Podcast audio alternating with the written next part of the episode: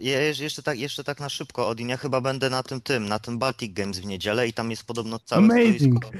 Dobra, Okej, okay, tak więc witajcie w 166 odcinku DualShock Podcast. Dzisiaj mamy 11 lutego, a witam się z wami Odińsko. Cieleńsko. I Jaraczyńsko. Okej, okay, a tematy dzisiejszego podcastu, gdyż Grabczasa z nami nie ma, bo umarł, choć ponoć może jeszcze wróci. Zacznijmy od konkursu. Następnie World of Speed, czyli samochody, jazda i szybkość i o tym powie nam więcej Cialny. Później Darkest Dungeon, czyli 2D prawo-skrętny scroller w stylu Legend of Grimrock. Następnie RTS-y, dlatego że powstaje ich wszędzie i są jak grzyby po deszczu. Zaczniemy od War for the Overworld, a później Banished, później Stronghold i zobaczymy, co jeszcze uda nam się wcisnąć, dlatego że jest ich tak dużo, że jak mogę je jeszcze utrzymać. A na sam koniec e, myślę, że temat, który był przez nas trochę zaniedbywany, a na pewno zasługuje na to, żeby go w końcu omówić, czyli TIF 4, podsumowując, dobre. Tak więc zapraszamy.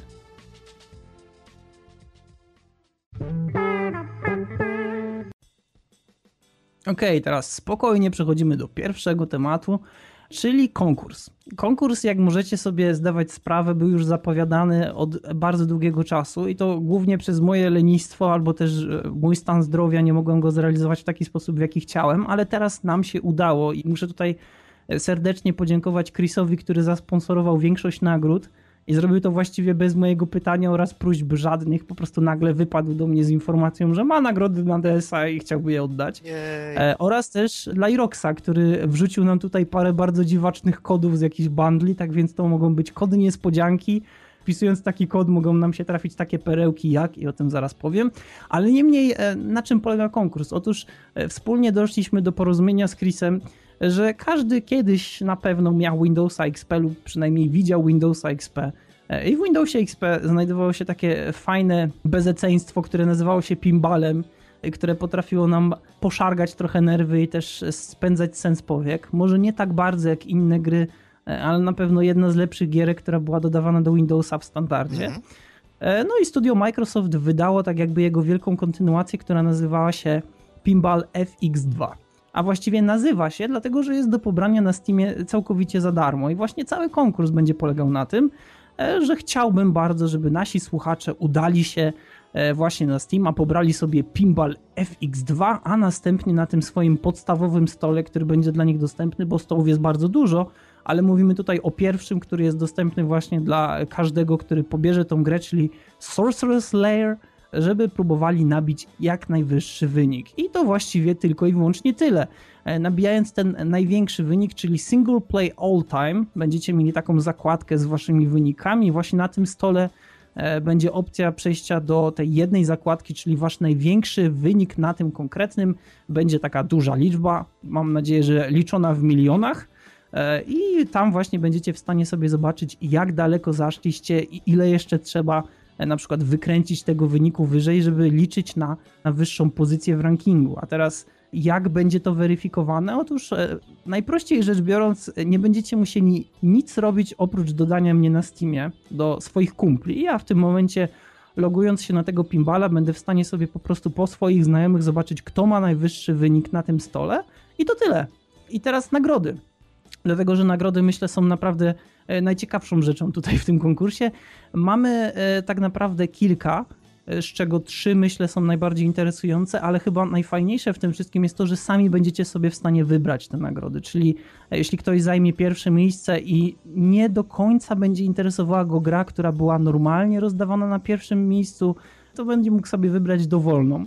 Tak więc startujemy chyba od takiej największej, jaką mamy, czyli um, Castlevania Lords of Shadow, wersja Ultimate, która będzie przyznawana w formie kodu. E, tak więc to jest pierwsza nagroda. Możecie wybrać sobie dowolną, tak więc nawet jeśli zajmiecie pierwsze miejsce, to możecie sobie wybrać chociażby którąś z tych, o których powiem za chwilkę. E, kolejną nagrodą jest Deadlight. To jest taka przygodówka w klimatach postapokaliptycznych, która może się na pewno wielu osobom skojarzyć chociażby z tego, że czerpie garściami z gier takich jak Limbo chociażby, czyli taki znowu prawoskrętny scroller, który e, ma bardzo ciekawą fabułę, ciekawy gameplay, e, może nie jest specjalnie długi, ale jest bardzo ciekawym doświadczeniem. No i na sam koniec mamy Terrarię.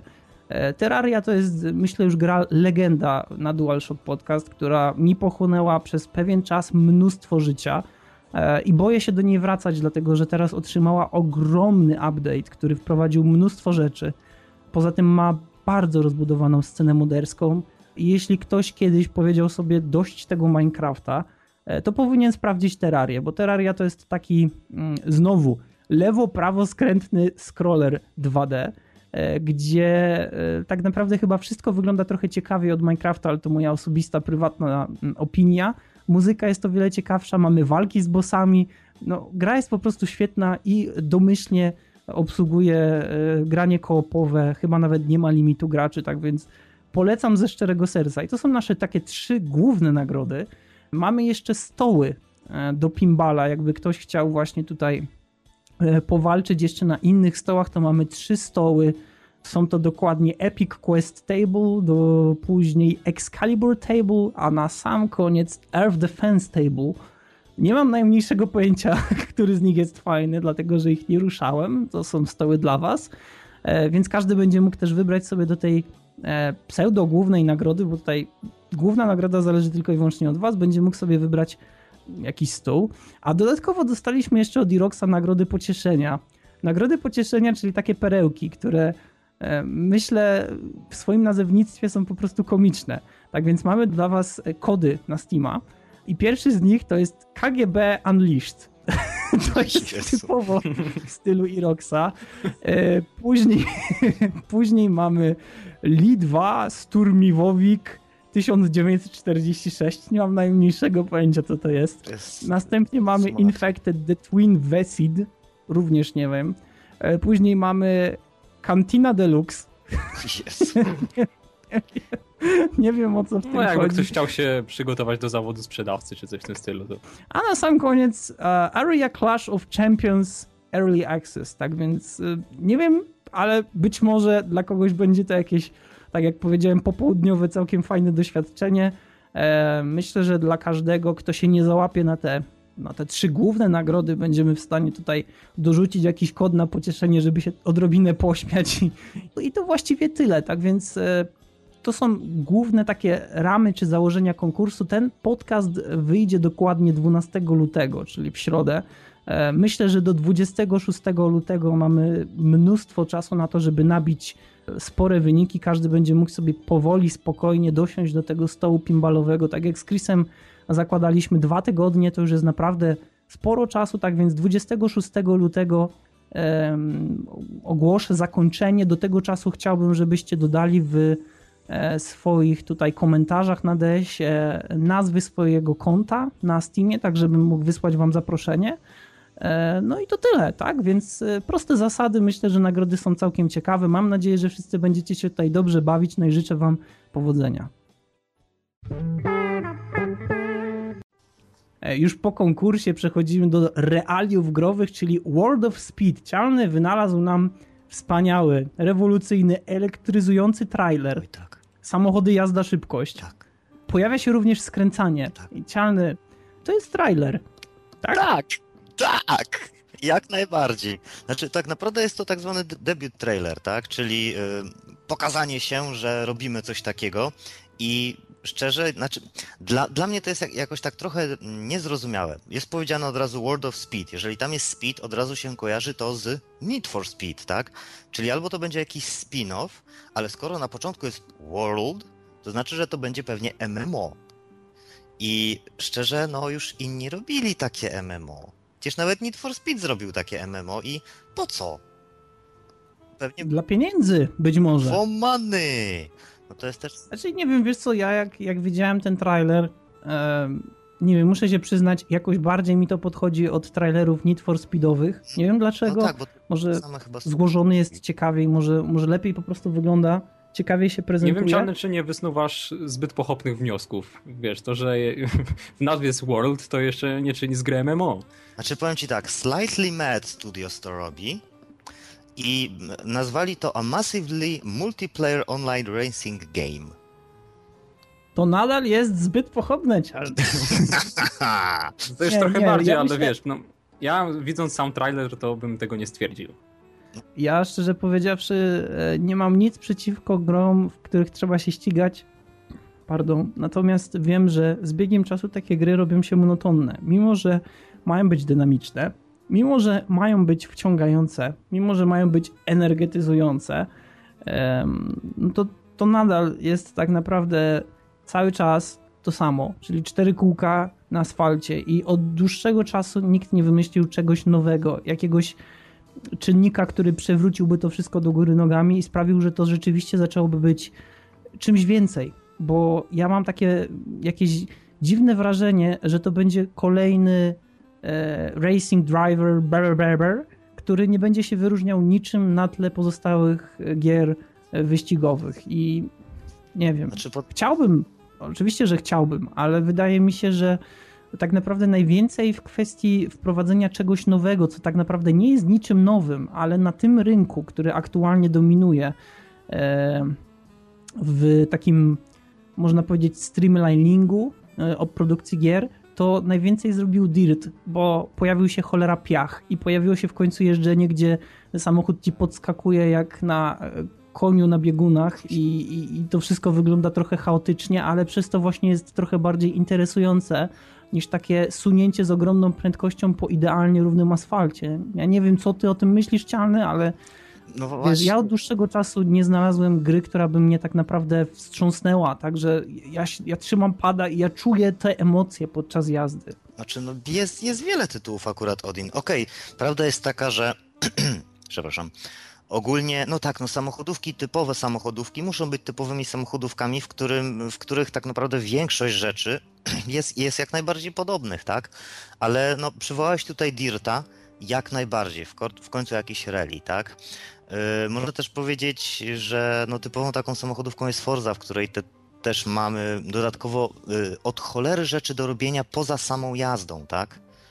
I to jest ciekawe, ale są też samochodówki, które są samochodówkami, ale tak naprawdę nie są samochodówkami, czyli Blur. Nie wiem, czy pamiętacie już jeszcze tego starocia. Blur był świetnym tytułem. To było coś w stylu Mario Karta, tylko trochę bardziej na poważnie, z bardzo fajną oprawą graficzną i naprawdę to było miodne. Chciało się w to grać. Ja pamiętam, że trochę za dużo czasu spędziłem w tym tytule, ale byłem na maksa zadowolony. Blur był świetny.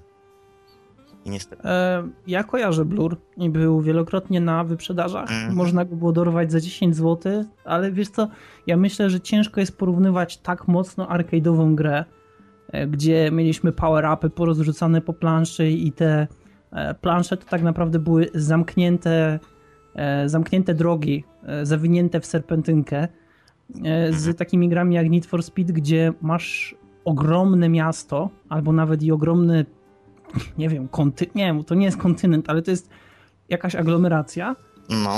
E, I tak naprawdę wyścig odbywa się tak jakby w wirtualnych ścianach, które potem znikają. W blurze nie przypominam sobie, żebyś mógł jeździć nie. dowolnie po mieście. Nie, nie, nie, w blurze tak nie było. No ale... Więc ja myślę, że to jest tytuł, który jest bardzo mocno arcade'owy i on e, ze swojej definicji musi być e, trochę szalony, dlatego zdobywasz power-upy w stylu rakiet albo jakichś tarcz obronnych. Mhm ale mi bardziej chodzi tutaj o to, żeby znaleźć w końcu, czy zagrać w jakąś grę wyścigową, która będzie cholera czymś innym, nie będzie arcade'owa, bo nie musi wcale być, no ale żeby była chociaż odrobinę inna, żeby przypominała chociaż takie gry, mm, z którymi się zaczynało swoją przygodę, gdzie każda nowa gra e, prezentowała coś fascynującego, bo człowiek dopiero zaczynał swoją przygodę.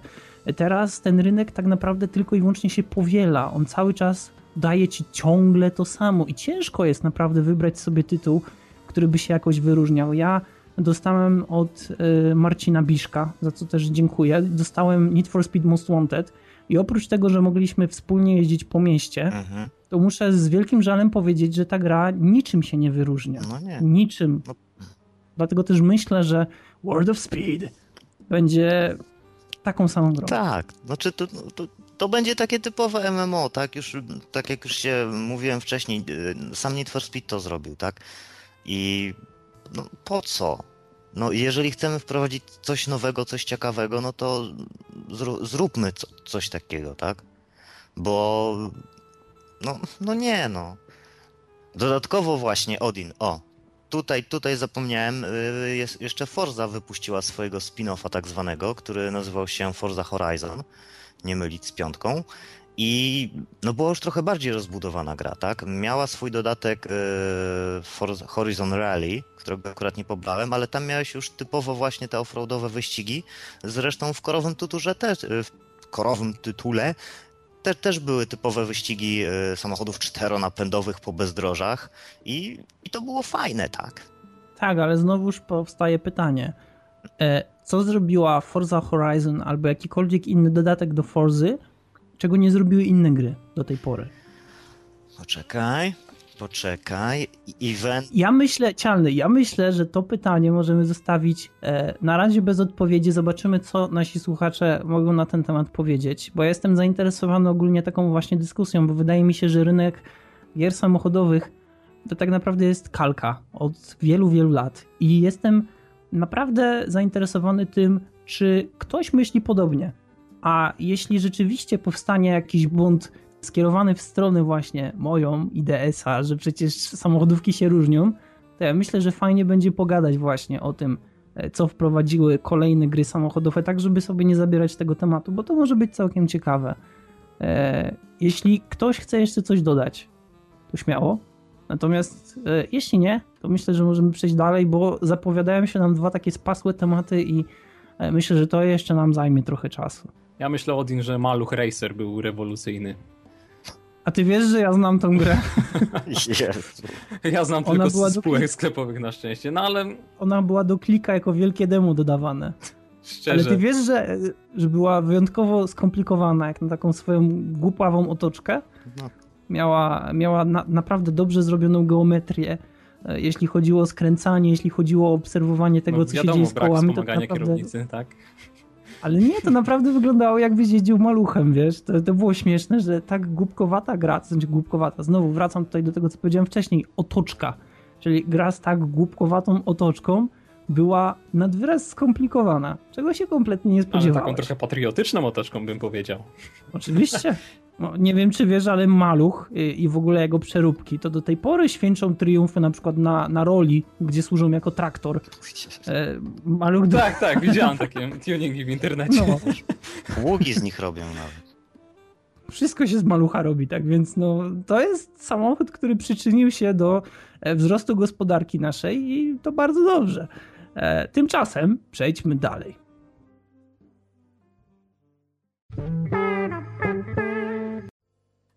Ok, czyli nasz kolejny temat, czyli The Darkest Dungeon.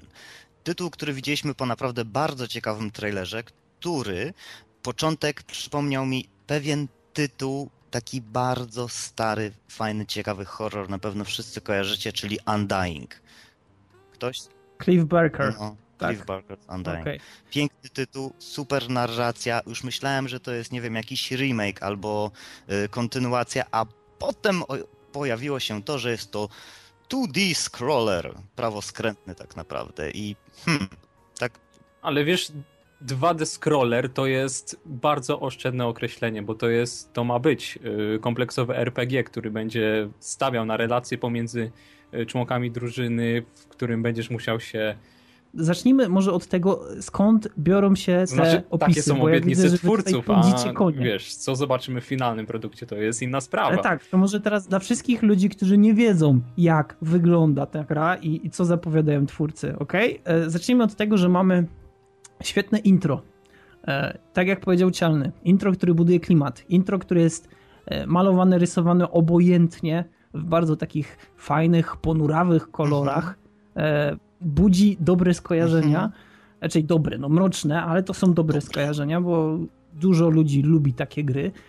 E, no i po jakimś tam czasie zaczyna się troszeczkę przewijać ten gameplay. On się tak przebija przez te malowane, rysowane scenki i jeszcze przez chwilę można mieć takie wrażenie, że może to są jakieś takie pseudoanimacje w stylu Maxa Payne'a, które wychodzą pomiędzy kolejnymi poziomami. Nie, tak wygląda gra. No. Jak wygląda gra? Otóż gra wygląda mniej więcej tak, jakbyśmy wzięli jakąkolwiek grę 2D, e, wyobrazili sobie rysunki w stylu Angry Birdsów, czyli mamy te takie ptaszyska No nie, no teraz takim... to pojechałeś trochę, Ale... Odin. Czekaj.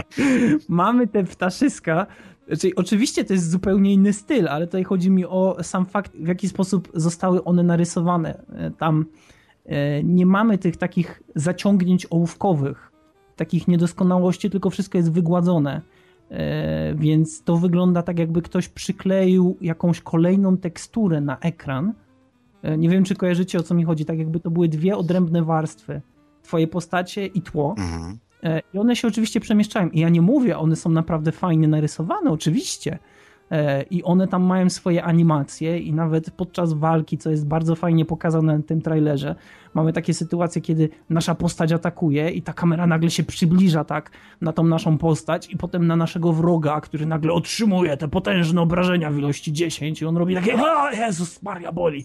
I to jest fajne, tyle tylko, że to nadal pozostaje gra 2D, która ma, tak jak powiedział Jaracz, jeszcze to do siebie, że e, podczas walki mogą wystąpić różne statusy, różne zmiany w naszych postaciach, czyli na przykład właśnie jedna może wpaść w panikę, e, potem na przykład po ognisku, czy po ognisku, po walce, e, kiedy już zasiądziemy przy ognisku, bo gra posiada właśnie taką funkcjonalność, to nasze postacie mogą między sobą rozmawiać. I teraz Jaracz uważa, że będzie, znaczy uważa, ponoć znalazł informację, że rzekomo pojawią się relacje e, w grze między naszymi postaciami. Ja się obawiam, jeśli mogę tutaj wcisnąć, zanim oddam mikrofon, że to będą tylko i wyłącznie takie slogany, które będą nasze postaci mówiły w niektórych sytuacjach. No, to dawaj mikrofona, teraz ja. Proszę.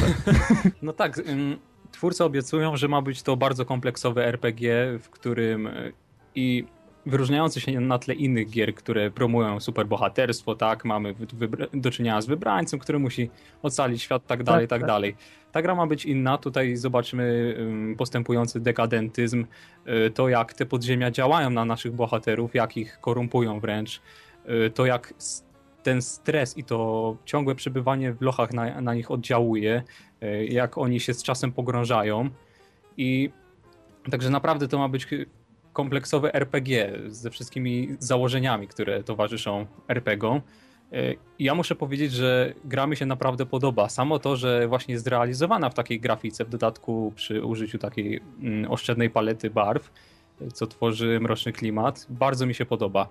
Zresztą sam ten styl graficzny bardzo mi przypomina mm, grafiki tworzone do przerywników w Wiedźminie II.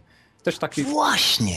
No, też taki bardzo podobny styl i myślę, że to jest fajne i to, że to buduje cały ten klimat, buduje napięcie. Znaczy... Ja, ja, ja się boję, że, że ta gra nadal pozostanie tylko scrollerem, 2D scrollerem. No sam Mimo, system że... walki turowy mi się też kojarzy bardzo dobrze z, z tym, co było najlepsze w JRPG, w różnych JRPGach.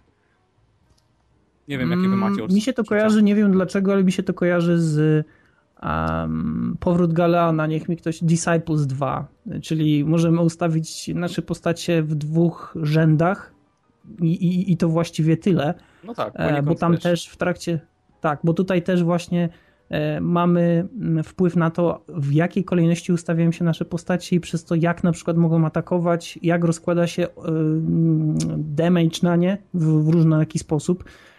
Obietnice są naprawdę fajne. Ja nie, ja, ja nie przeczytałem tego, co, E, co tobie się udało znaleźć Jaracz. E, I liczę, że rzeczywiście tak ta gra będzie wyglądała, bo e, tak jak powiedziałem we wstępie, ona mi przypomina Legend of Grimrock, a tą grę wspominam naprawdę bardzo fajnie. I mimo, że ona była bardzo estetyczna i nie pokazywała wcale dużo, to można było się przywiązać do tych miniaturek, które prezentowały nam nasze różne postacie i rzeczywiście żałować tego. A tutaj właśnie mamy mieć ten tryb narracyjny, o którym powiedziałeś, więc tym bardziej, tylko że to są tak, to są te nadzieje. Mm -hmm. Bardzo często jest niestety tak, że potem one się rozbijają o klif rzeczywistości i pozostajemy tylko takim małym stateczkiem, e, który kiedyś miał wielkie nadzieje oraz przyszłość, a tak naprawdę teraz stał się tylko i wyłącznie zabytkiem, do którego przyjeżdżają ludzie robiąc sobie na jego tle zdjęcia, tak więc... Jezu, jak to ładnie poetycko zabrzmiało. To już takie typowe dualshockowe, miejmy nadzieję.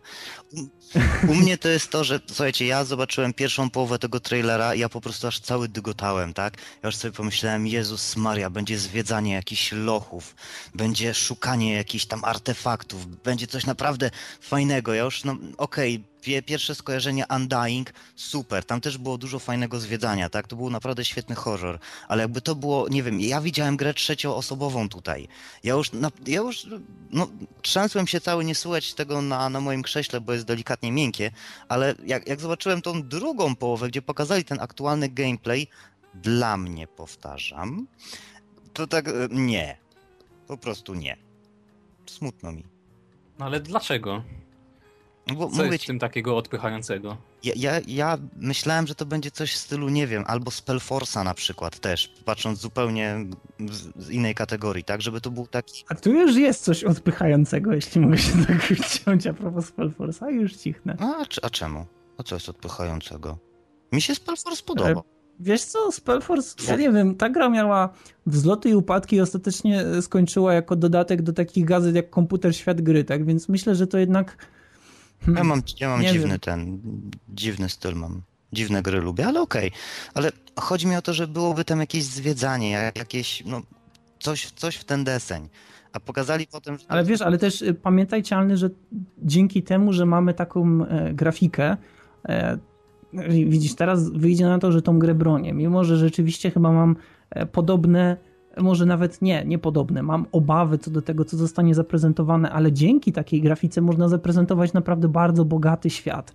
E, Coś, czego normalnie w grach 3D nie byłbyś w stanie przeskoczyć przez to, że na przykład nie jesteś w stanie wygenerować odpowiedniej rozdzielczości tekstur albo e, no wiele innych powodów, na przykład nie wiem, modele przez siebie przenikają, albo mamy jakiś, jakiś taki błąd mechaniki gry, który powoduje, że niektóre postacie wchodzą w ogień podczas czegoś, jakichś cutscenek albo coś takiego i to psuje twoją imersję, twoje wczucie, to tutaj możemy zaprezentować malowany, rysowany świat, e, który jeszcze w akompaniamencie świetnej muzyki może zbudować no, genialny klimat, ale mimo wszystko, ja widzisz, tutaj nawet nie wychodzę z tego, z tego poziomu, że mnie to odpycha. Ja się po prostu boję, dlatego że takie gry zwykle są cholernie proste i jakoś nie potrafię uciec od tego wrażenia, mimo że, że trailer e, jest świetny i ma genialną muzykę, ma naprawdę świetnego narratora, buduje bardzo dobry klimat, to w momencie, w którym widzę tą grę, to to nie jest zderzenie się e, z moimi oczekiwaniami, że liczyłem na to, że to będzie gra 3D. To jest zderzenie się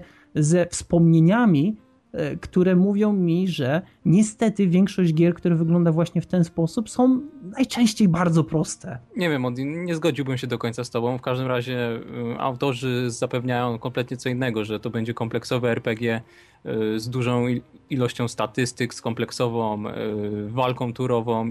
I na to liczę, naprawdę, uwierz mi. Bardzo chcę. Ale myślę, że tak będzie, bo wiesz, nie, nie mają powodu, by wiesz, y, z takiej gry, dobrze się zapowiadającej, z takim mrocznym klimatem robić jakieś, wiesz, jakiegoś tytułu dla prostego dla dzieci, nie? Żeby sobie mogły, Ale widzisz, ale tutaj też. e, żeby mogły sobie rozumiem twoje zdanie. przejść ten tytuł w niedzielne popołudnie.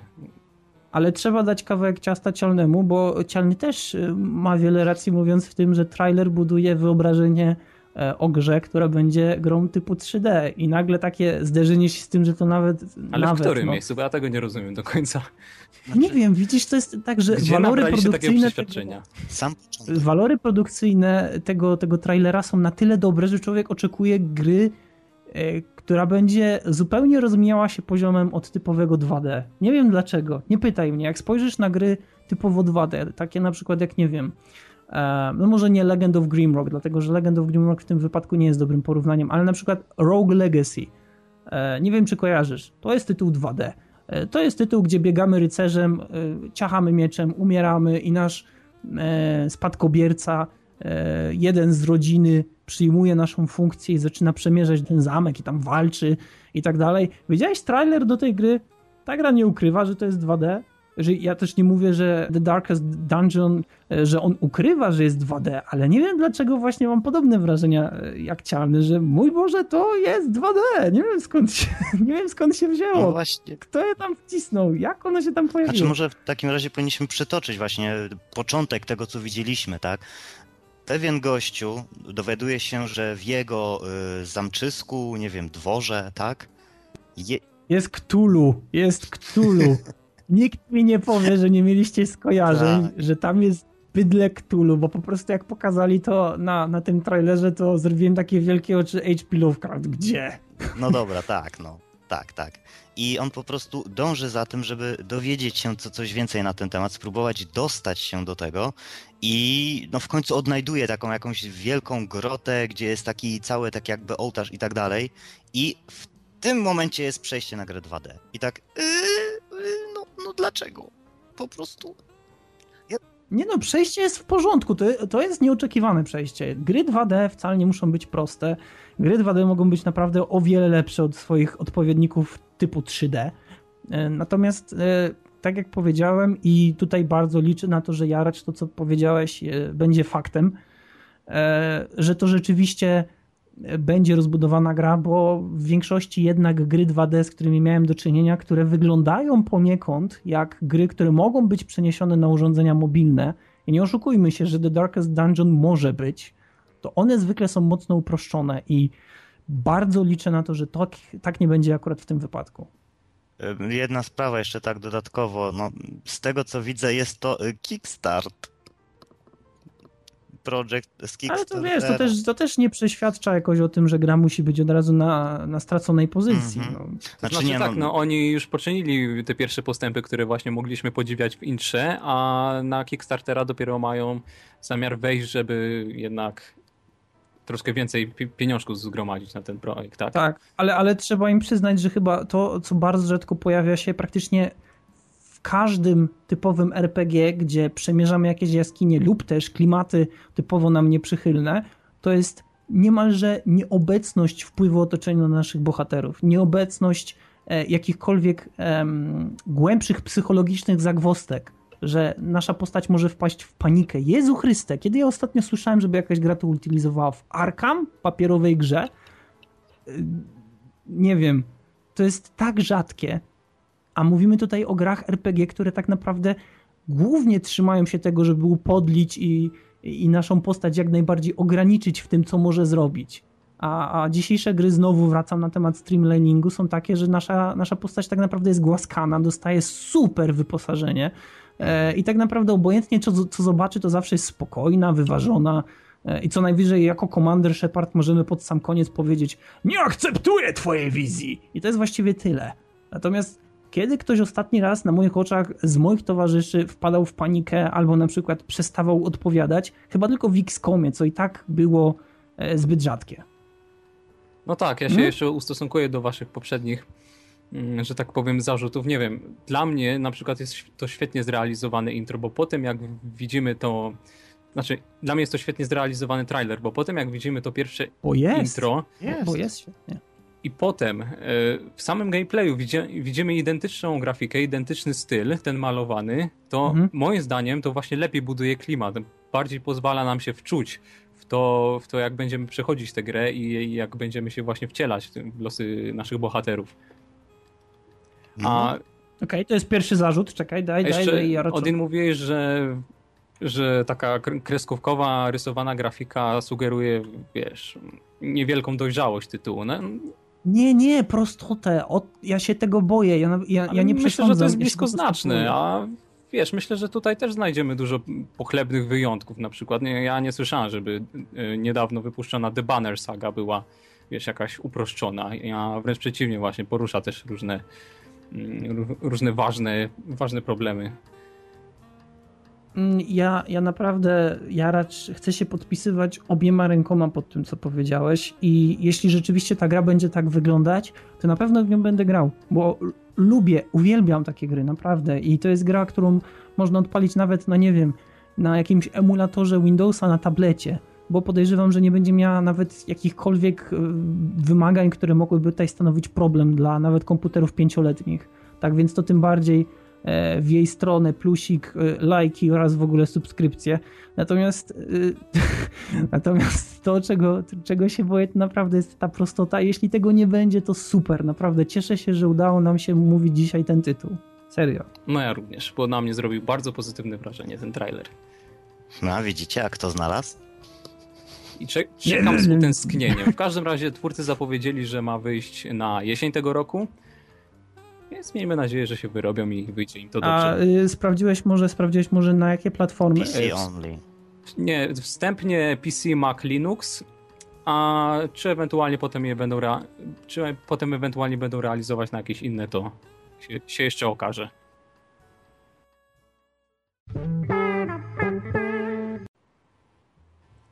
Tak więc następny temat, który chcielibyśmy poruszyć, to będą RTS-y. E, Myślę, że Cialny powie nam co nieco na temat War for the Underworld. E, Odin wspomni nam co- co nieco o nowym, rodzimym tytule Banished. Warto wspomnieć, że realizowanym przez jednego naszego rodaka. A także powrócimy wspomnieniami do tak starszych RTS-ów jak Stronghold czy Anno. Właściwie to teraz prostując od razu, ja nie mam takiej pewności, czy na pewno Banished został stworzony przez Polaka. Wydaje mi się, że tak, To ale Google, szybko. głowy, za- głowy za to nie dam. E, Na pewno osobą, która e, jest autorem Banished jest to Luke Chodorowicz, więc sądząc po nazwisku, być może mamy do czynienia z Polakiem, ale nie wiem, bo Wikipedia nic na ten temat nie mówi, tak więc trudno. Trzymamy się tego, że e, jest przynajmniej rodzimy ze względu na to, jaki gameplay lub jaki typ gameplayu prezentuje. E, A tak naprawdę wygląda to wszystko mniej więcej e, jak typowa złota polska jesień lub też plemiona słowiańskie, które muszą zbudować swoją pierwszą osadę. W ogóle tak na więc- gry online jest informacja, że to tworzy zespół Shining Rock Software. Tak, składający się z jednej osoby. Tak, tak więc to dobrze. Dobra, to idziemy po tym sznurku. Niemniej, trzymając się tematu, e, chyba dwa dni temu pojawił się właśnie pierwszy gameplay, e, taki bardzo długi, bo myślę, że chyba miał 3 czy 4 godziny e, z Banished. Później e, wyleciały jak grzyby po deszczu różne inne m, portale, jednostki czy strony gamingowe, które też dostały jakąś kopię właśnie Banished, tak żeby zagrać, obgrać i żeby zobaczyć jak to wygląda.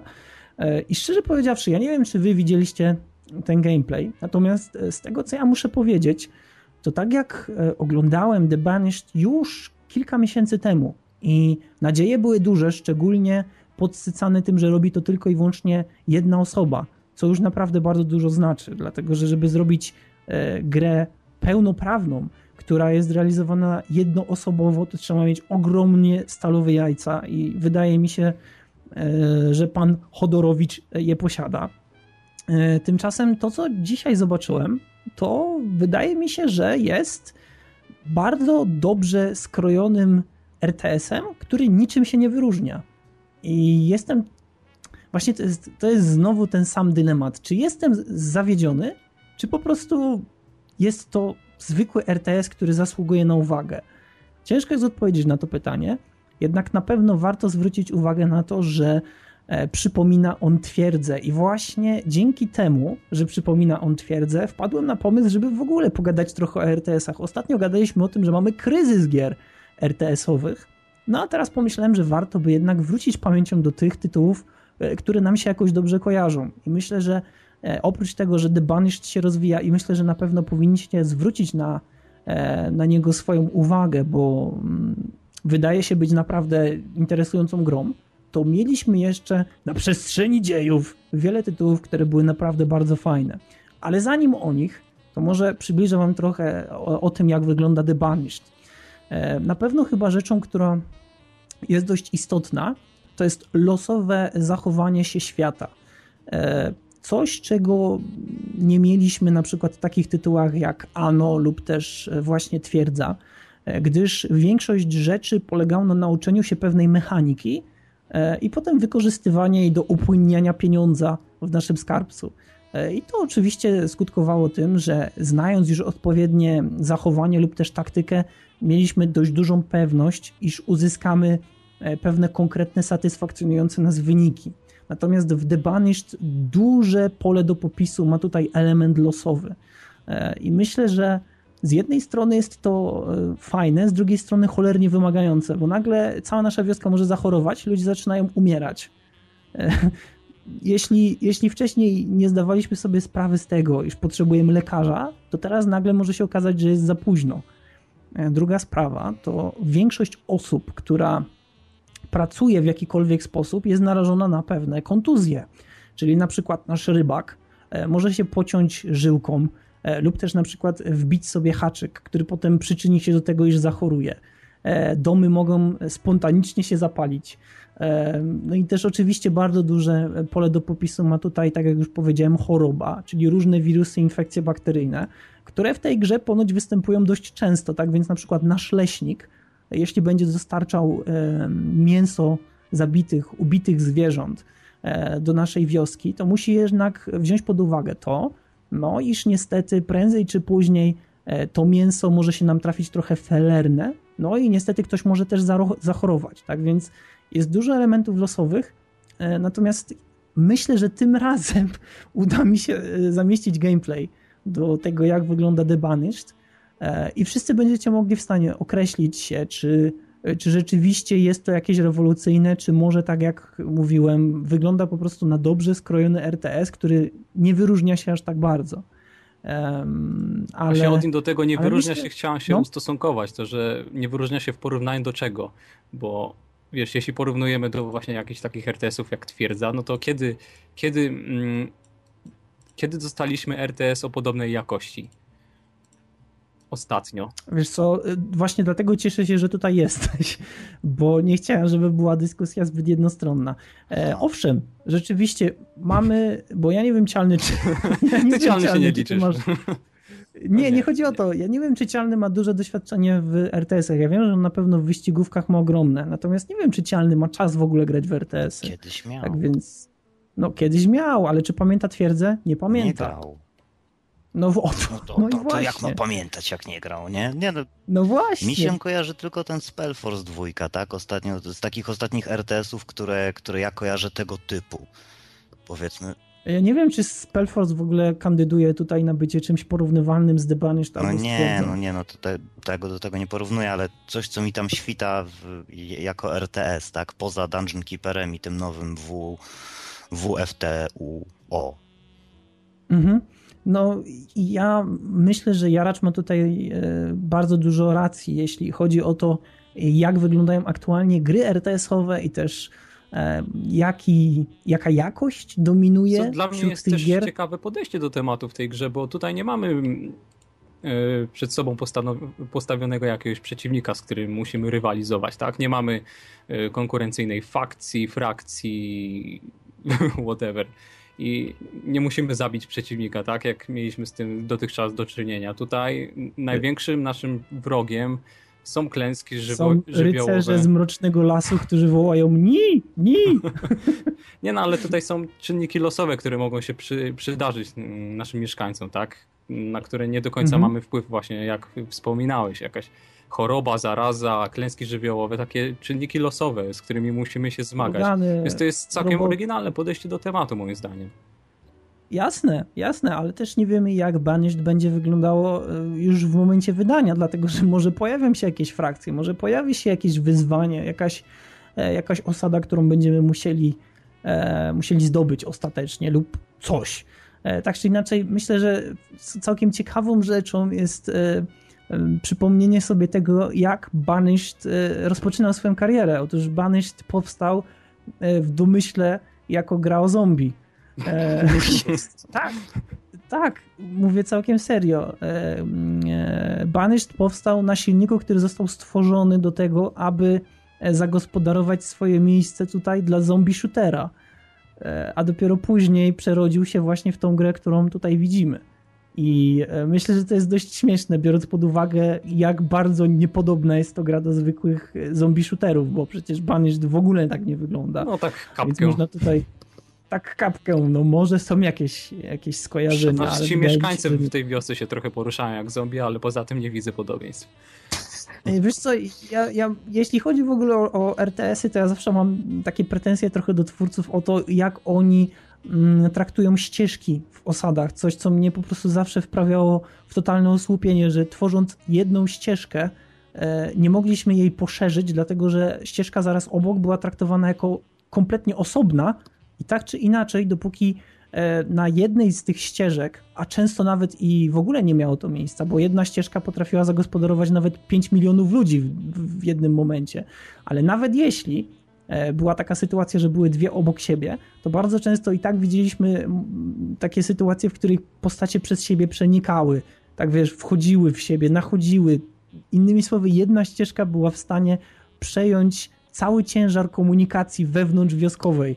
To nie wiem, kto w ogóle wpada na takie pomysły i czekam z utęsknieniem na jakąś grę RTS-ową, gdzie po prostu to nie będzie miało znaczenia, bo jasna cholera, ludzie potrafią chodzić po ziemi, Nie. więc nie potrzebują ubitej ścieżki. Mogą se chodzić po ziemi. Naprawdę. To te ubite ścieżki są nam potrzebne na przykład dla jakichś wozów, dla jakichś karawanów, dla, dla jakiejś, nie wiem, dla jakiegoś ro- rozwiniętego handlu, gdzie mamy jakieś bardzo ciężkie powozy, które mogą uszkodzić swoje koła na jakichś, nie wiem, e, niewyrobionych ścieżkach, ale No może. Nie to jest takie moje tylko przyczepianie Nie, się. znaczy może niekoniecznie przyczepianie się, bo wiesz, znaczy ja widzę to, te ścieżki jako taka, jako taka droga, którą oni mają iść, żeby nie wejść w jakieś tam niebezpieczne, nie wiem, zaułki czy, czy, czy coś w tym stylu, tak? Znaczy nie, no wiecie, no czasami to jest tak, że na pewnej mapie są jakieś niebezpieczeństwa i my wyznaczamy... Synek, broń Boże mi nie idź za chałupę. No właśnie. Tam jest ślepa uliczka, nie wyjdziesz stamtąd nigdy. I zostaniesz już tak do końca. Słuchaj, słuchajcie, ja teraz padłem na taki...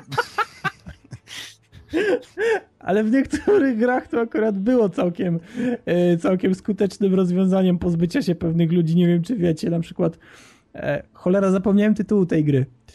Ojej, ale było coś takiego, że mogliśmy właśnie położyć ścieżkę, jakieś postacie sobie tam szły, szły, szły, my usuwaliśmy kawałek ścieżki za nimi, a one nagle no i jak wrócić, panie premierze? Jak żyć? I po jakimś czasie znikały, po prostu tak się rozpływały w powietrzu i już ich nie było, tak więc... Masakra. Słuchajcie, ja sobie pomyślałem, że jeżeli to jest tytuł robiony przez Polaka, czy on w takim razie y, osoby Ale my nie wiemy nadal. Powiedzmy, że to jest Chyba. e, prototypowe nasze Dobrze, nazewnictwo. mm, to u nas prototypowo. Pomyślcie sobie, co by było, jakby on wprowadził, uwaga, uwaga, y, jako jedną z klęsk masowe L4. Wyobrażacie to sobie? Nie będę pracował, bo jestem na zwolnieniu. Ale to, E, to albo- tylko na hardzie, myślę. No, to byłaby najgorsza rzecz. Ale to na hardzie to byś miał, Na wiesz, to hardzie byś miał rząd. złodziejstwo. Nie, ale widzisz, to e, e, złodziejstwo zawiera w sobie wszystkie te elementy urzędnicze, Aha, więc no to okej. myślę, że, że tu wystarczy po prostu złodziejstwo. Tak czy inaczej, sprawdźcie The Banished. E, Być może zostanie wydana jakaś e, bardziej już kompletna wersja do ogrania za około miesiąc. Tak więc jeśli brakuje wam takich RTS-ów, to myślę, że warto spojrzeć, szczególnie, Znaczy, że naprawdę... od innych, sorry, że ci przerwę, nie wiem jak bardzo aktualne masz Nie- nie informacje, ale na Steamie i na stronie głównej y, gry jest umieszczone, że będzie miała premierę 18 lutego. Uuu. A wyobraźcie sobie, że jako dodatek Czyli stawiane by były co, co 50 metrów fotoradary. Czemu co 50 metrów? Wiesz, ile pieniędzy się traci na tym? Co metr.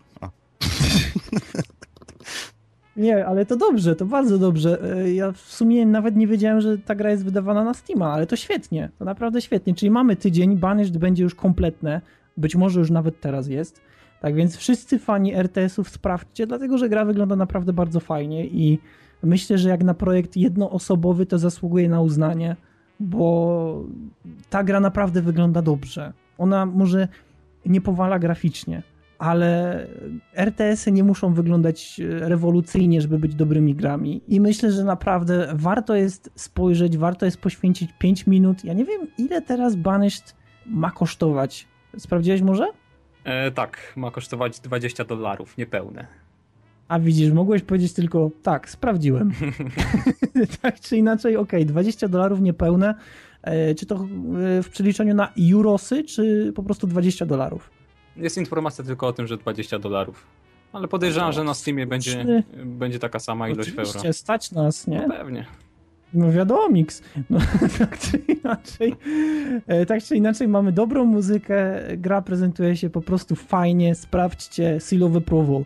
Tymczasem przechodzimy do innych tytułów RTS-owych, które A, Odin, e, ciężko mogę jeszcze coś wtrącić? Możesz, no. Mo, czekaj, oderwę tylko karteczkę, wtrącanie się jaracza, no okej. Masz, Czy- tutaj karteczka poszła. Co mnie zaskoczyło, to wes- wersja bez DRM-u żadnego ma ważyć 105 megabajtów. Więc O, what the fuck.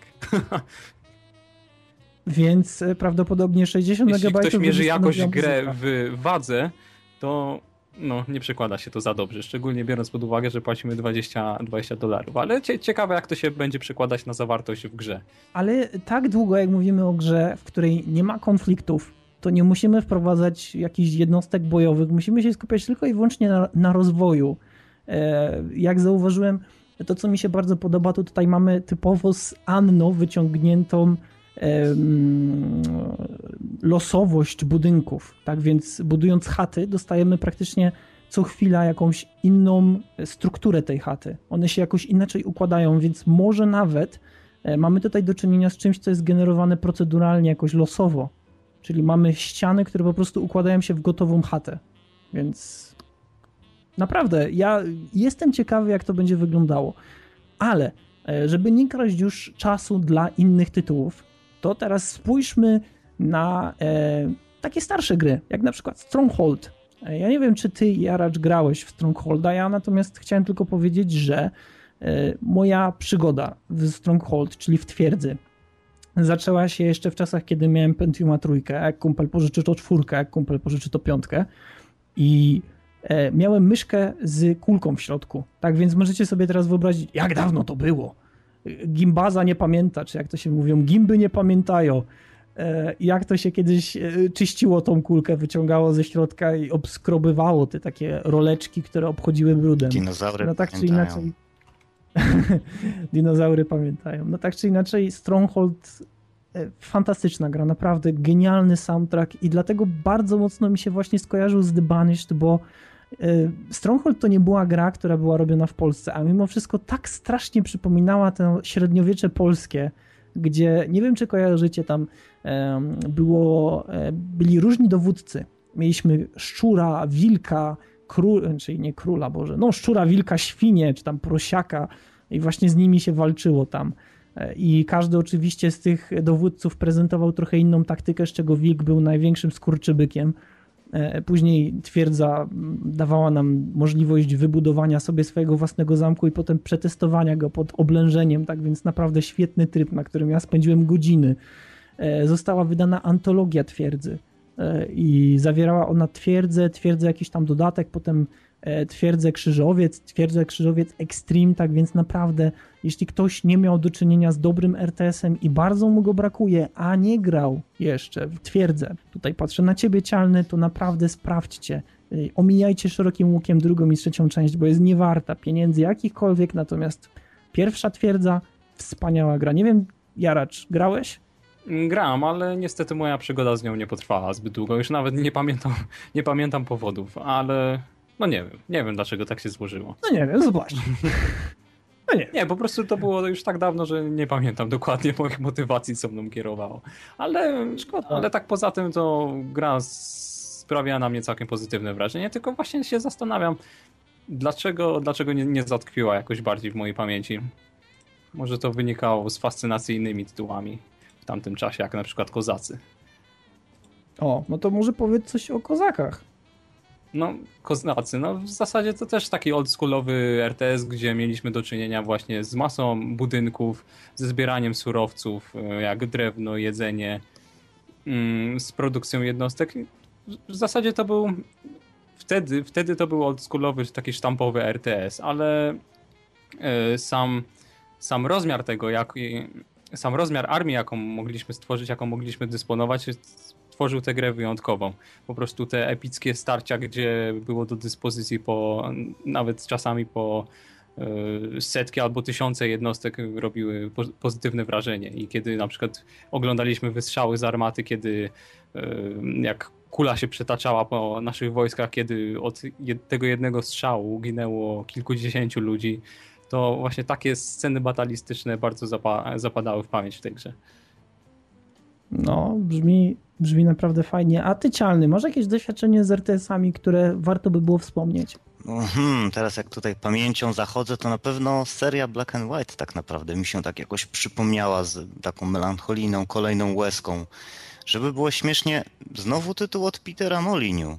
Ja nie, ja nie wiem, co się ze mną dzieje, ale jakoś chyba lubię jego gry, bo tak samo Dungeon Keeper właśnie, o którym będziemy mówić trochę później i no właśnie Black and White, gra, w której jesteś Bogiem, w której masz swoich wyznawców.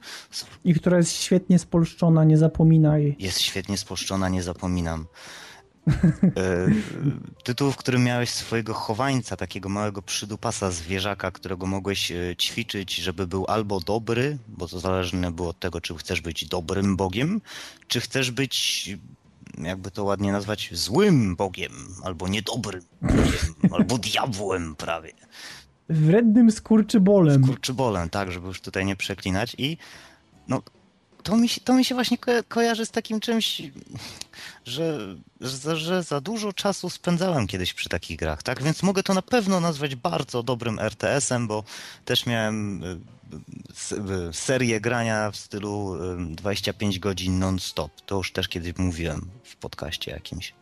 Że Black and no, White. Nie. Black and White, tak. Ja, ja, ja nie wiem, czy, czy ty miałeś w ogóle mm, kontakt z taką grą, która nie tak dawno pojawiła się od studia Ubisoft i nazywała się Cholera wie jak, zaraz sobie sprawdzę. Ja wiem jak. O Jezus Maria, e... wiem o co ci chodzi. Wiesz o co mi tak, chodzi, prawda? E, Boże, e, nie Dust, zaraz ci to znajdę, niestety... From Dust. From Dust, o.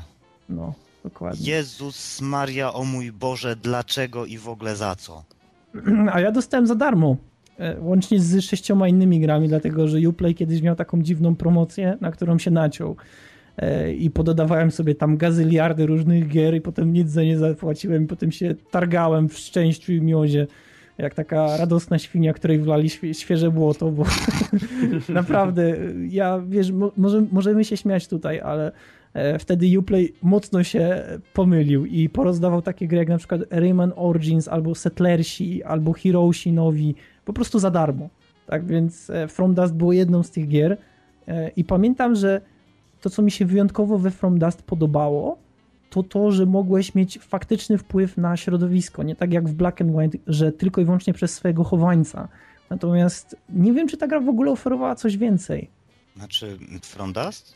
Znaczy, tam miałeś -hmm. tylko właśnie, yy, jakby to ładnie nazwać, miotanie elementami, tak? Mogłeś usypywać ziemię, mogłeś. Yy rozlewać lawę, jak się nie mylę, też ją przenosić, czy, co, czy coś takiego. No, tam byłeś tylko tym bożkiem z tą swoją magiczną łapą, która mogła wszystko prawie złapać i układać sobie według własnej woli, nazwijmy to. Ale wiesz co, jeśli grałeś rzeczywiście, to nie możesz mi powiedzieć, że jedna z takich misji, gdzie musiałeś uratować swoją e, malućką wioskę przed taką falą przypływową, nie, nie zaimponowała ci, bo ja osobiście miałem coś takiego, że kiedy widziałem tą falę ogromną tsunami, która była wielokrotnie wyższa od tych wszystkich gór i prawie, że zrównowała się poziomem z ekranem, czyli z poziomem, z tą wysokością, na której ja jako ten pseudobożek sobie byłem, mm -hmm. to ja poczułem lekko dreszcze, bo to było cholernie wielkie, więc... Tak lekko.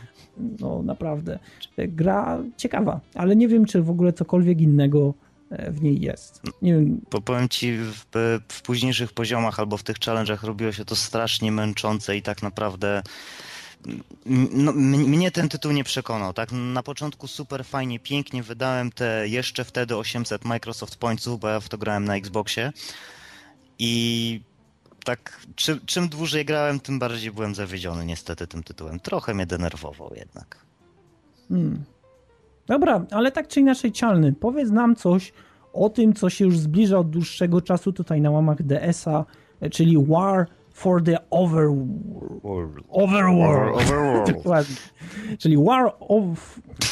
War for the Overworld, czyli to, co już od dłuższego czasu tutaj omawiamy.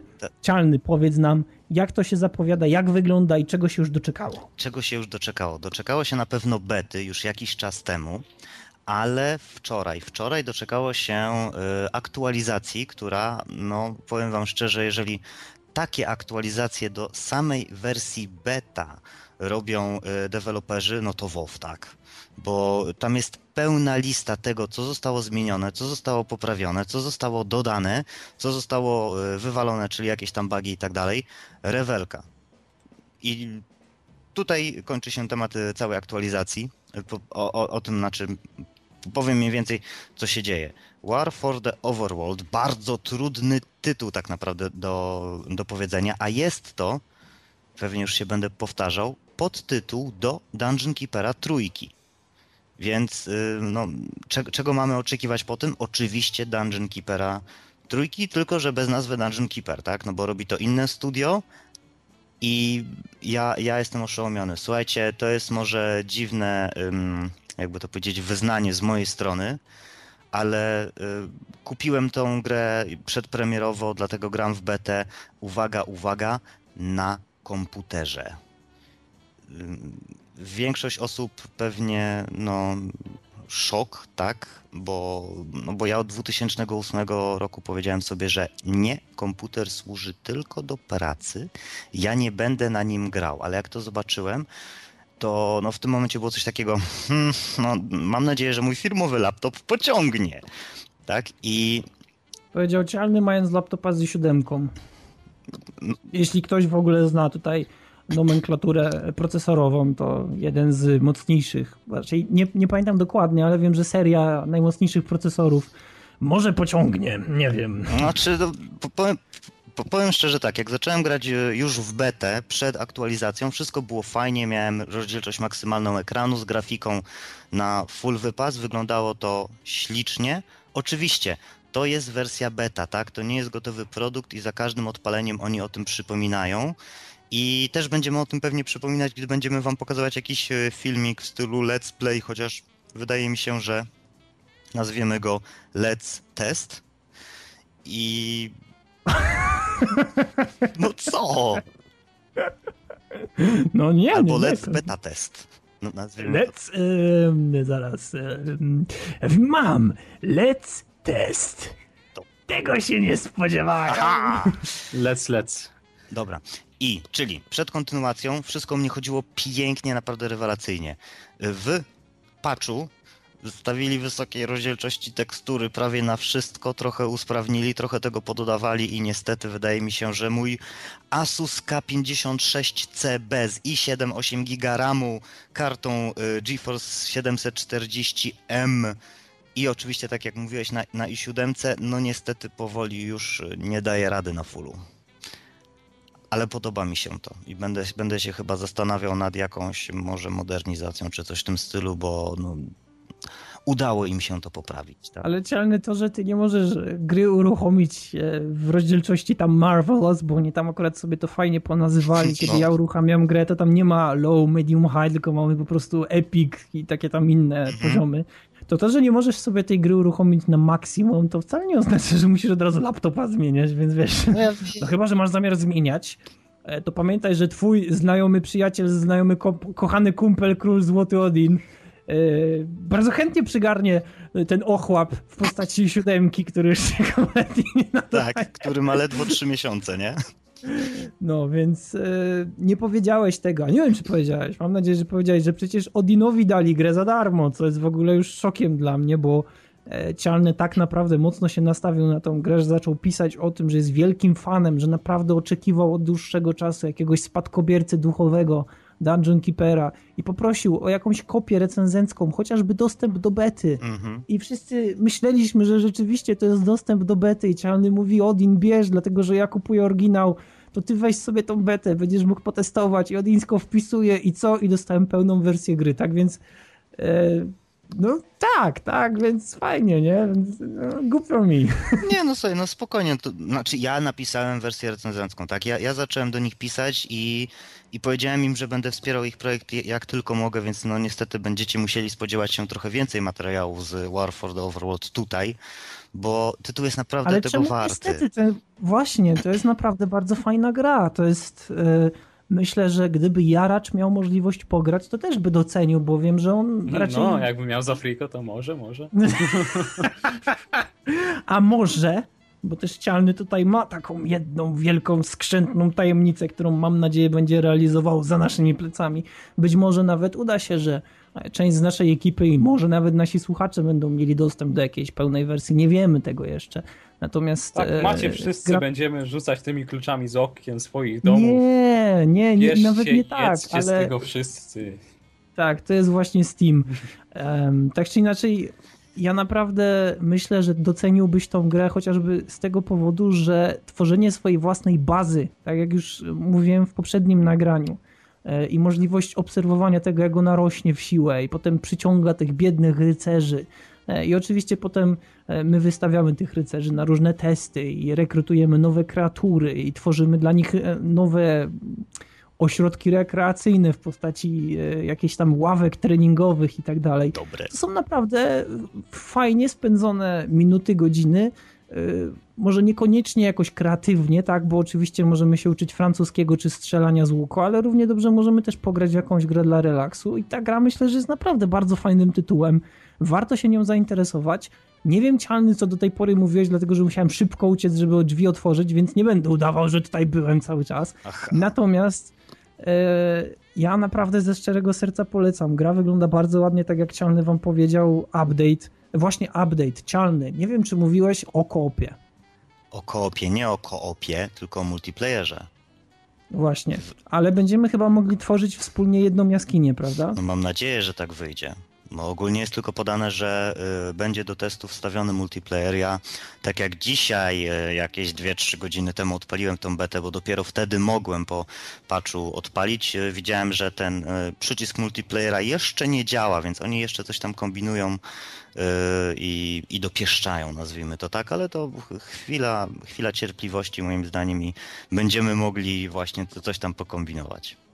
Mhm. No, więc naprawdę dla każdego, kto jest zainteresowany, uderzajcie w to śmiało, dlatego że tytuł jest naprawdę spadkobiercą Dungeon Keepera na każdym możliwym poziomie.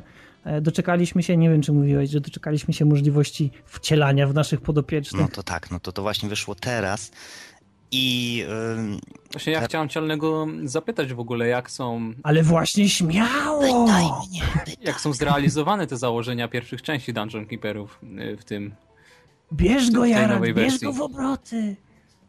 Znaczy ogólnie... No bo poza tym, że są, że są dobre, tak? Że są dobre. Znaczy ogólnie, no w Dungeon Keepera pierwszego wiemy już, Jaracz, przyznałeś się, że nie grałeś. Ani, ani nie, ale wiesz co, tak pytam, pytam w imieniu fanów właśnie dawnych Dungeon Keeperów, bo pewnie chcieliby wiedzieć coś więcej o tym tytule. Szczerze, prawie jest to przeniesione y, moim zdaniem jeden do jeden, tak? Mamy aktualnie inty, inny interfejs, ale tak jak mówiliśmy, to jest beta, więc tutaj się jeszcze wszystko pozmienia. Co jest ciekawe, co wyciągnąłem z ich forum, co może też Was właśnie za, zainteresować, y, co na to EA, tak?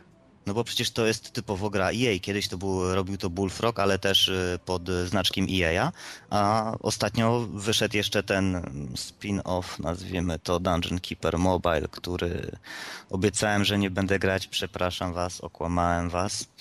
Dalej w to grasz? Tak. Ja nie wiem, czy ty w ogóle ciągle wiesz, ale o tym powstały już e, filmy na YouTubie, o tym jak paskudnie wkurzająca, frustrująca i beznadziejna jest to gra, jeśli chodzi właśnie o ten model płatności. Ja wiem, ale ja ci powiem szczerze, ja sobie powiedziałem, że ja nie wydam na to ani grosza i zobaczę jak daleko dojdę, nie wydając ani grosza, do czasu aż wpadnę w, w totalną frustrację i po prostu to usunę. Chwilowo... Do czasu, kiedy będę miał myśli samobójcze. Tak, nie. Dla mnie cię puskają. Nie, ja, ja to po prostu robię tak, że sobie raz na jakiś czas wejdę, hm, dobra, no. A, znowu mnie okradli. Znowu mnie okradli, tak, to, to jest typowe, nie? Tylko za każdym razem jak cię okradną już tak typowo, to masz tak zwany y, cave-in, nie? Na 8 godzin bądź 12 godzin, zależnie od tego, jak bardzo cię okradną, tak? Więc y, wpadam, patrzę, dobra, mój chochlik jeden nic nie robi, idź sobie to kop, no i wyłączam, tak? Więc tak to wygląda. Wracając do y, WFTO czyli War for the Overworld. Y, co na to EA? Pewnie się w ogóle dziwicie, czy nie dziwicie, że... Nie, ja się nie dziwię. To znaczy, y, jestem ciekawy, dlatego że y, znam mniej więcej historię, jak wyglądała współpraca EA i Bullfrog i zdaję sobie sprawę z tego, że EA po przejęciu Bullfrog stwierdziło, że no... no nazwijmy to Electronic Arts UK, tak? Bo, bo tak zrobili no, tak naprawdę. Więc no, co, co, co, co mają ciekawego do powiedzenia? wspierają ich cały czas, tak? Mówią im y, o możliwych pułapkach, cały czas pomagają im w tworzeniu tej gry, tak? Są, są takimi jakby, nazwijmy to pseudomentorami, ale da, dali im też naprawdę dużo informacji, jak zrobić coś, żeby było to, żeby było to dobre, tak? Wydaje mi się, że nikt nie potrzebuje rad od EA. No ja wiem. Szczerze, bo, bo nie, wiem, nie wiem, co można powiedzieć ludziom, którzy tworzą grę. Co można im powiedzieć? Dodajcie płatne DLC! Nie, ale nie, ale pomyśl tak. Mówisz do programisty. Wyobraź sobie, że jesteś programistą, Mhm. tak? I że każdy ten termin, który ja teraz powiem, jest dla ciebie znany. Ja teraz powiem tak. Cialny, pamiętaj o tym, żeby inteligencja e, przeciwników brała pod uwagę, e, nie wiem, e, to, że w okolicy znajdują się jakieś pułapki. Jeśli oczywiście przeciwnicy są na wyższym poziomie doświadczenia i ty mówisz, no tak, wzięliśmy to pod uwagę. No to oni, a no to spoko. No to w takim wypadku weź jeszcze pod uwagę to, że e, jak gracze będą mogli na siebie najeżdżać, to żeby nie robić jakichś e, wrednych taktyk w stylu, że na przykład wielkim szturmem i, i, i masą jakichś podstawowych jednostek zasypujemy przeciwnika, a potem jednym e, szlachetnym rycerzem przenikamy, infiltrujemy cały ten skarbiec, uderzamy w serce jest koniec. Oni, nie, no to też wzięliśmy pod uwagę. Co, co może EA poradzić ludziom, którzy już e, zrobili na tyle zaawansowaną grę i włożyli w nią tyle serca. Co, nie wiem, znaczy wiesz, EA z nimi współpracuje od samego początku, tak? Znaczy współpracuje. No, po, powiedzieli, że y, uniknęli Ja przez tego to nie przyznawał, pułapek. wiesz? To to jest tak jakby powiedzieć, że mam syfilis. Jest. Ale słuchajcie, nie no, ludzie pytali, tak? No, no, no bo naprawdę, no, marka Dungeon Keeper na, należy do EA, tak? Więc no, pod tym względem trz- trzeba było, no, słuchajcie, no, sam byłem ciekaw, tak? Akurat nie na tyle, ja, żeby się Ja teraz liczę na swoim małym liczydełku, ile czasu upłynie do momentu, w którym EA powie, że wraz z DICE będą produkowali nowego Dungeon Keepera, którego produkcją zajmie się DICE i wykonaniem zajmie się DICE. Więc yy, powiecie ogólnie, że EA teraz tak naprawdę jak ma coś do zrobienia, to rzuca to na DICE i, i DICE to robi. I potem DICE to wydaje, a EA mówi tak, my. Więc nie, Nie, naprawdę no. nie, to jest, to oczywiście to jest żart, tak, ale Znaczy, okej, w Dungeon Keeperze można y, wcielić się w, w, jak, jakiegokolwiek twojego minionka, tak, jakąkolwiek twoją postać i być w y, systemie pierwszoosobowym, ale wydaje mi się, że DICE chyba tylko tego typu gry robi, więc to sorry, chyba nie. no to wyobraź sobie, że będziesz miał potem, wiesz, Dungeon Keepera, w którym przejmując kontrolę nad jakimś małym stworkiem będziesz miał Dungeon Keeper, o Jezus Maria. Dungeon Keeper Eee, Battlefield.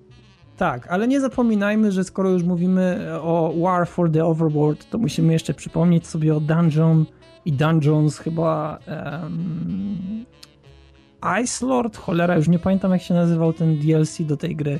Tak czy inaczej, tak jakby odrębnie całkowicie um, swawolnie działający bez swojego matczynego pokładu e, dodatek, czyli tak zwany samodzielny e, który naprawdę był całkiem ciekawym Dungeon Keeperem i myślę, że Cialny, skoro jesteś zainteresowany tym i skoro chciałbyś na przykład potem zrobić jakąś większą, głębszą recenzję tego i porównywać do poprzednich części, czy do poprzednich tak jakby inkantacji, Mhm. inkarnacji, wersji różnych właśnie takich Dungeon Keeperów, to myślę, że powinieneś się zaopatrzyć też w Dungeons, dlatego że Dungeons też ma bogatą rzeszę fanów. E, I być może nawet e, właśnie ta rzesza fanów, która wywodzi się z Dungeons, teraz przejdzie na e, War for the Overworld, czyli może będzie jakaś taka większa tranzycja, wiesz, taki przepływ ludzi, którzy wyczekali już z tą grą wystarczająco dużo i teraz przechodzą na markę produkt, który wprowadza czy obiecuje wprowadzenie większej ilości rzeczy. Ciekawie będzie to obserwować, dlatego że na tym rynku mamy no, odsetek produktów, które przypominają coś takiego, być może w ilości 3. Tak więc nie jest tego wcale dużo. No tak. Jaracz, dziękuję. że, Proszę się tak mocno, że się tak mocno angażujesz. No dobra, no to w takim wypadku przechodzimy do ostatniego już tematu. Ja mam nadzieję, że wykonaliśmy e, cały plan, który miał być zrobiony 110% normy i będzie premia. Przechodzimy do kolejnego, ostatniego tematu, czyli TIF 4.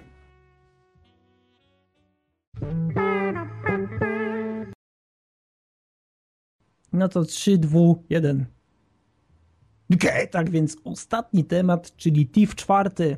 E, Spod skrzydeł Ideos Montreal wychodzi nam piękny TIF 4, który e, w tym podcaście nie zagościł, e, szczerze powiedziawszy, miejsca zbyt często, a powinien, dlatego że wygląda naprawdę rewelacyjnie. I teraz na samym początku, kiedy wspominaliśmy jeszcze za czasów, jak tutaj przesiadywał Blady i Bizon, to mówiliśmy, że obawiamy się, czy właściwie ja tak mówiłem, już nie pamiętam, ale ogólnie taka myśl przewodnia była taka, że trochę szkoda, że Thief wychodzi po Dishonored, dlatego że niewątpliwie będzie porównywany.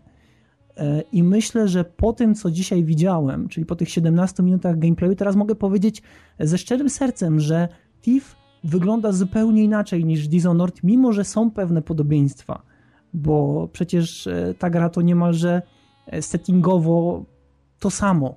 To graficznie oraz sposób gameplayu trochę, trochę bardziej wyważony, trochę bardziej spokojny, trochę bardziej taki dydaktyczny, w którym musimy zawrzeć te wszystkie swoje akcje w taką jedną, płynną całość, która musi być uprzednio przygotowana. Tutaj bardzo ciężko jest podejść do tego mniej więcej tak, jak podchodziliśmy w Dishonored, czyli po prostu patrzeć na coś, klikać i to się dzieje. Musimy mieć pewien plan.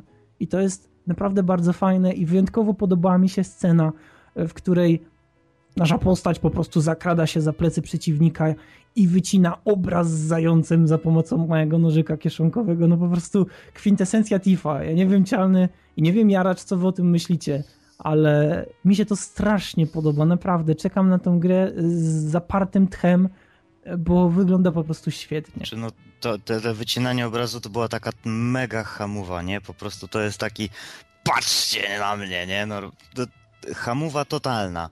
Ale Patrzcie, jacy durni są strażnicy w tej grze. No, to, to, to, coś, coś w tym jest. Mnie ogólnie zdenerwował, znaczy może nie tyle zdenerwował, ale um, zirytował, nazwijmy to e, ładnie tak, e, motyw ten trybu detektywistycznego, tak, który już jest tak. w Batmanie i we wszystkim instynkt, innym. Tak. Instynkt. Musi być instynkt. O Jezus Maria. Ja... Mm, znaczy ja nie oczekuję od tego Tifa, że to będzie jakiś tam powrót do hardkorów, że sam musisz się wszystkiego domyślać, albo że nie wiem, mm, ta rzecz, która będzie jakoś tam y, możliwa do y, poruszenia, będzie się tam delikatnie świeciła, że jakiś tam Ale właśnie dawała. nie, właśnie nie powinno być tego w ogóle. To jest chyba jedyna rzecz, którą muszę zarzucić tej grze. I ja myślę, że ty podświadomie też byś chciał. Mimo, że ciężko jest powiedzieć wprost i ciężko jest powiedzieć komuś w twarz, że tego w ogóle nie powinno być, dlatego że staramy się być jak najbardziej pobłażliwi. Jednak troszeczkę przepuścić to, że ta gra ma pewne takie uproszczenia. To mimo wszystko każdy hardkorowy fan e, takich gier skradankowych chciałby, żeby to w końcu, jeśli to ma być sekret, to do jasnej cholery ten sekret nie może być od razu do ciebie dostępny po wciśnięciu jednego guzika. Mhm. To nie ma sensu wtedy. On traci tą swoją sekretność, bo, no bo jak on może być w tym momencie sekretem? On nie jest sekretem, on jest po prostu kolejnym rozwinięciem pewnej gameplayowej funkcjonalności, który jest dostępny tylko i wyłącznie po wciśnięciu jednego klawisza. Koniec, kropka. No, która stała się modna jakoś ostatnio i po prostu wszyscy teraz muszą to mieć w swoich tytułach, żeby nie wiem, żeby pokazać, wow, też umiemy ten, zmienić e, wszystkie tekstury na ekranie, żeby, żeby coś tam pomieszyć i pokazać te rzeczy najważniejsze. Ja rozumiem, ok, to jest dla tych, którzy będą chcieli grać w tego Tifa na, na easy, tak? Ale, no, a może na hardzie tego nie ma? Znaczy, wiesz co, z No nie tego, sądzę, co bo wtedy musieliby przemodelować kompletnie. Ale nie, nie, nie, nie. Jarax, posłuchaj, dlatego że jeśli byś się przysłuchał na samym początku, to tych dwóch panów, którzy ze sobą rozmawiali właśnie na tej 17-minutowej prezentacji gameplayowej, to oni tam mówili, że w grze możesz włączyć sobie pewne e, mutatory. Piękne to jest. Możesz sobie na przykład e, uruchomić coś takiego, że jeśli zostaniesz zauważony, to gra się kończy.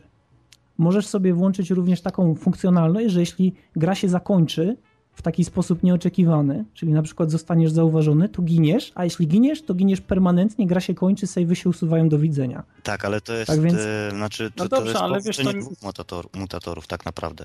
Ale jestem w stanie się założyć o... Nie, nie jestem, nie, nie. P, p, p, p. Liczę na to. Masz słowa, że... masz słowa. ważę, ważę, e, że Idols Montreal jednak będzie na tyle zaradne i na tyle ogarnięte, że da nam możliwość wyłączenia tej funkcjonalności, tego trybu superwizji, bo na cholerę. Nie, nie mówię ci, bardzo w to wątpię, bo wtedy musieliby kompletnie mechanizm rozgrywki przemodelować. No, a wiesz, a to o czym ty mówisz, to takie małe dodatki, które po prostu troszkę mogą utrudnić albo uatrakcyjnić rozrywkę, no ale nie mają jakiegoś wpływu na samą grę, na sam odbiór gry. To tak samo jak w XCOMie mogliśmy podobne tryby połączać, tak? Mogliśmy ale czemu? Właśnie widzisz, większy rozrzut wydaje... obrażeń włączyć, czy tak samo y, tryb Iron Man. ale, Ale wydaje mi się, że to nie, tym bardziej nie zmieniało to odczucia i tego, jak odbieraliśmy grę, te, jak, to, tego, jak, jak prowadziliśmy samą grę. Ale wyobraź sobie, patrz, masz sytuację na tym gameplayu, gdzie służba zaczyna rozmawiać o tym, że w tym pokoju znajduje się jakiś tajny mechanizm, który pozwala otworzyć jakieś tajne drzwi. Czy myślisz, że gdyby nie dało się zobaczyć od razu e, tego, co musisz zrobić, żeby ten mechanizm ulokować jakoś w odpowiednim miejscu i po prostu otworzyć sobie to tajne przejście, to czy twój gameplay nie wzbogaciłby się o element poszukiwania? I strach. Bo ja uważam, że cholernie jest y, interesująco, fajnie, ciekawie, obojętnie, dobierz słowo, e, kiedy dajemy graczowi tylko mały taki hint, jakąś podpowiedź, że słuchaj, być może e, głoska, głoska, Boże, plotka głosi, albo ptaszki śpiewają, albo wiewiór mówił, że być może znajdzie się gdzieś w tym miejscu jakieś tajne przejście, albo że właściciel tego domostwa posiada jakiś wyjątkowo tajny czy wyjątkowo istotny, wartościowy przedmiot, który trzyma w bogatym, bliskim sercu miejscu. I teraz zaczynasz się zastanawiać, gdzie tu jest, zaczynasz dedukować. Przecież odczucia z gry w tym momencie są o wiele, wiele większe, niż gdy gra podaje ci to na tacy. Kiedy ty możesz sam dedukować, kiedy dla ciebie e, stanowi pewne wyzwanie nie sam gameplay, ale sama otoczka, ta metafizyka wokół tego, co musisz zrobić, jak musisz się zachować w danym domowstwie. Musisz myśleć jak złodziej, który nie ma wszystkiego podanego na tacy. Ja uważam, że to tym bardziej w tym momencie wzno, wzniosłoby, oczywiście nie mówię, że wznosi, ale wzniosłoby tą grę tak bardzo wyżej w porównaniu do tego, czym teraz ona jest, jeśli ten tryb jest permanentnie włączony. No ale Bo oczywiście właśnie tego nie dostajemy, bo mamy w zamian za to tryb detektywistyczny, który już był wałkowany wielokrotnie i który wymaga, wymaga zero inicjatywy od gracza. Właśnie, właśnie i mam nadzieję, że to się będzie dało wyłączyć. I wręcz, ojejku, Trzeba naprawdę, to wyłączyć tak naprawdę. ja nie chciałbym, żeby ktokolwiek miał do tego dostęp w tej grze. Dla... Bo nie ma nic fajniejszego niż na przykład twórcy, którzy mówią po roku od premiery jakiegoś tytułu, a słuchajcie, a zdawaliście sobie sprawę, że na przykład za biblioteką pod, y, pod jednym z obrazów, który lekko wystaje za, za półki z książkami, znajduje się mały przełącznik i nagle wiesz, co? No. I, i, i To jest najfajniejsze, bo daje się ludziom dalej e, powód do tego, żeby tą grę przeczesywać, żeby szukać, żeby sprawdzać. To są, to są najfajniejsze momenty, które można znaleźć w jakimkolwiek tytule, bo No i dodajmy do Gra- tego, że to w dużym stopniu kreuje samo community. To możemy to podziwiać, ten fenomen. e, Choćby w przypadku Dark Soulsów, jak on jest szeroko dyskutowany, ile filmików tak, się dostaje na YouTube'a, Mhm. y, pokazując różne sztuczki, jakieś zagrania i także zostawia naprawdę duże pole do popisu samym graczom. no, no i właśnie. dlatego ja mam ogromną nadzieję, że, że tam będzie się dodało wyłączyć. Czarny, dajesz. No właśnie. Się bardzo... No, że, że żeś się rozwinął te skrzydełka swoje. Ogólnie właśnie wracając do, do tego Ja Jestem motywu... jak pingwinek, ja się nie uniosę. Oj, Jezu. E, Wracając właśnie do tego pomieszczenia, gdzie była właśnie ta służba, rozmawiała z tym gościem. Słuchajcie, to tak naprawdę, no, okej, fajnie. Ja, ja nawet zacząłem się przez chwilę tak zastanawiać. Kurczę, gdzie by to mogło... A, tutaj, no dobra. To, y, ten tryb detektywistyczny, czy jak oni to tam nazywają, instynkt, czy cokolwiek, no dla mnie to jest tak, no delikatnie mówiąc... A mi się jeszcze bo- podobało wyjaśnienie, bo tak pobieżnie chyba podsłuchałem, że a, bo tu nasza postać widzi, bo jest geniuszem. No, no, Czy coś w tym stylu, takie głupie, Nie, ale głupie tam, tam, był, tam był tekst w stylu, że ona jest bardzo doświadczona i ma wyćwiczone zmysły. Dlatego wszystkie elementy, z którymi może wejść w interakcję się podświetlają, bo wiesz, tak, złodziej. cholera, ja tak w życiu nie mam. Ale nie, bo ja nie jestem złodziejem. Ale widzisz, powinieneś mieć, skoro jesteś sprzedawcą, to powinien, powinien wejść klient. Ja już powinienem Klient wiedzieć, ile ma w portfelu. Nie, nie, nie. Klient powinien się podświetlić na czerwono i wszystkie rzeczy, które on chce w sklepie też na czerwono. Rozumiesz? Ty już powinieneś wiedzieć wszystko w tym Tak, momencie. tak, on, Jesteś wyćwiczonym sprzedawcą przecież. tak, on powiedział, dzień dobry, poszukuję, ja już wiem, co pan potrzebuje, tutaj, tutaj, tutaj i tutaj, tak? Nie, słuchajcie, t- wracając do tego po raz enty. Wystarczyłoby powiedzieć, że on gdzieś tutaj... A to strasznie twarde stwory w RPGach, tak tylko powiem. Okej, nie zacznę, a jak nie zacznę, to nie skończę będziemy tak siedzieć do jutra. Codzienny suchar musiał być. No mów Charlie. Dobrze. Jak ta pani ze służby mówiła, że coś musi tutaj być, ponieważ zawsze jak wchodziła tutaj za swym panem, go nagle nie było. I ten drugi gościu, który był, nie wiem, strażnikiem czy kimkolwiek, bo, bo już teraz nie pamiętam, sorry. Jakby on po prostu w jednym miejscu gdzieś, tak samo jak było na początku, że patrzał się na te książki, na, na te przejście tak naprawdę. Słuchajcie, to już by było fajne, subiektywne, y, brzydkie słowo, podpowiedzenie nam, gdzie mamy szukać. Wskazówka. Wskazówka, o, dobre słowo, czekaj, sobie zapiszę. I ogólnie wyobraźcie sobie w tym momencie, jaki byłby stres odwrócenia uwagi tamtych dwóch osób i szukania tego przejścia. I tak jak gra mi się cholernie podoba, to mam kolejny zarzut. Daj. E, Nie wiem, czy zauważyliście. E, Może najpierw skupmy się na tym, jak wygląda rzeczywistość. Bierzemy sobie strzałę, tak? Naciągamy cięciwę i oddajemy strzał. I teraz ta strzała sobie leci. Leci, leci, leci, leci, uderza w coś, no i oczywiście upada na ziemię. Mhm. Teraz strzała nie znika, ona zostaje na ziemi. I Mhm. teraz jak ktoś idzie, to ją widzi. Tymczasem w Tifie mamy coś takiego, że jak uderzymy w coś strzałą, oczywiście wyprujemy ją z łuku, purpur, to ona w coś uderza i ona się rozpływa. I już nikt na nią nie zwraca uwagi. I teraz to, co mnie cholernie denerwuje właśnie w tym przypadku, to jest to, że przecież jeśli używamy, jeśli ta gra rzeczywiście ma być taka next gen i musimy zwracać uwagę na tyle elementów w tym samym czasie, tak jak powiedział pan, e, który nam tą grę recenzował zaraz obok osoby, która w nią grała, to skoro musimy zwracać uwagę na tyle rzeczy, to do jasnej cholery, skoro bierzemy łuk i oddajemy ten strzał, to powinniśmy się liczyć z tym, że ta strzała będzie widoczna, jeśli ona się w coś nie wbiła. Jeśli na przykład wbiła się w sufit, spoko, może ktoś jej nie zauważy, ale jeśli ona, na przykład jeśli to jest strzała w cudzysłowie obuchowa i ona w kogoś trafiła i upadła na ziemię i my jej nie podniesiemy, albo na przykład jej nie przesuniemy, nie zepchniemy jej, nie zdmuchniemy jej, nie wiem, cokolwiek Nie zjemy jej. no to prędzej czy później, na przykład nie zjemy jej, to prędzej czy później ktoś ją zobaczy. No i przecież na miłość boską, jakbyś ty w swoim domu znalazł jakąś strzałę, kurwa, zakończoną jakimś trującym ostrzem, to przecież byś nie zrobił, a spoko, tylko byś zaczął się zastanawiać, skąd ona się tu wzięła. Więc czemu tam nie ma takiej mechaniki? Ja do tej pory tego nie rozumiem, naprawdę. I przykro mi trochę, bo to jest jedna z tych rzeczy, która mi w Tifach zawsze przeszkadzała. Tak, stoisz na warcie, widzisz swojego kolegę strażnika przechodzącego obok ze strzałą wbitą w plecy. Wołasz do niego, hejo, co tam? No nie, nie, Jak- coś jak mnie służba? Tutaj. A, spoko. Skrobie mnie coś po pleckach, ale spoko. Coś Ale- mi bije w plecy. Kurde, no sporo było uproszczeń na tym gameplayu. Nie wiem, może ja się czepiam na siłę, bo po prostu nie lubię tego typu gier, no ale mi się to wydawało naciągane też. Mm, choćby momenty, gdzie właśnie przebiegaliśmy bardzo blisko jakiejś postaci, nie robiliśmy żadnego szumu. e, Nikt na nas nie zwracał uwagi właśnie przy strzelaniu z łuku, gdzie staliśmy o dwa metry od postaci, ona też nic nie odnotowała.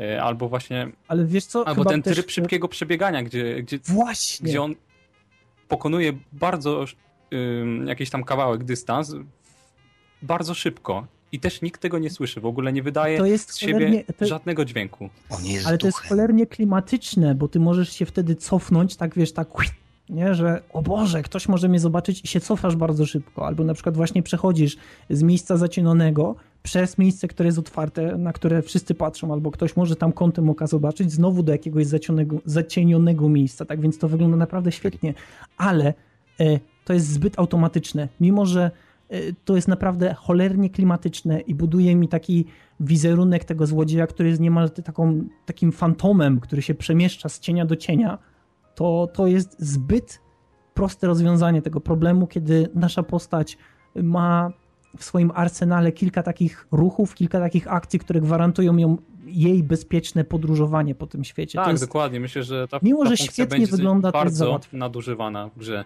I No nie wiem, może powinien być jakiś ogranicznik, nie wiem, wytrzymałość dla postaci, która dzięki której mm, nie pozwoli to nadużywać tego ruchu. Stamina. Tryb detektywistyczny, pamiętajmy, tak? Ograniczenia dla postaci. Mhm. No tak, tak, no wiesz, y, i zawsze byłaby taka możliwość tego, what was that noise?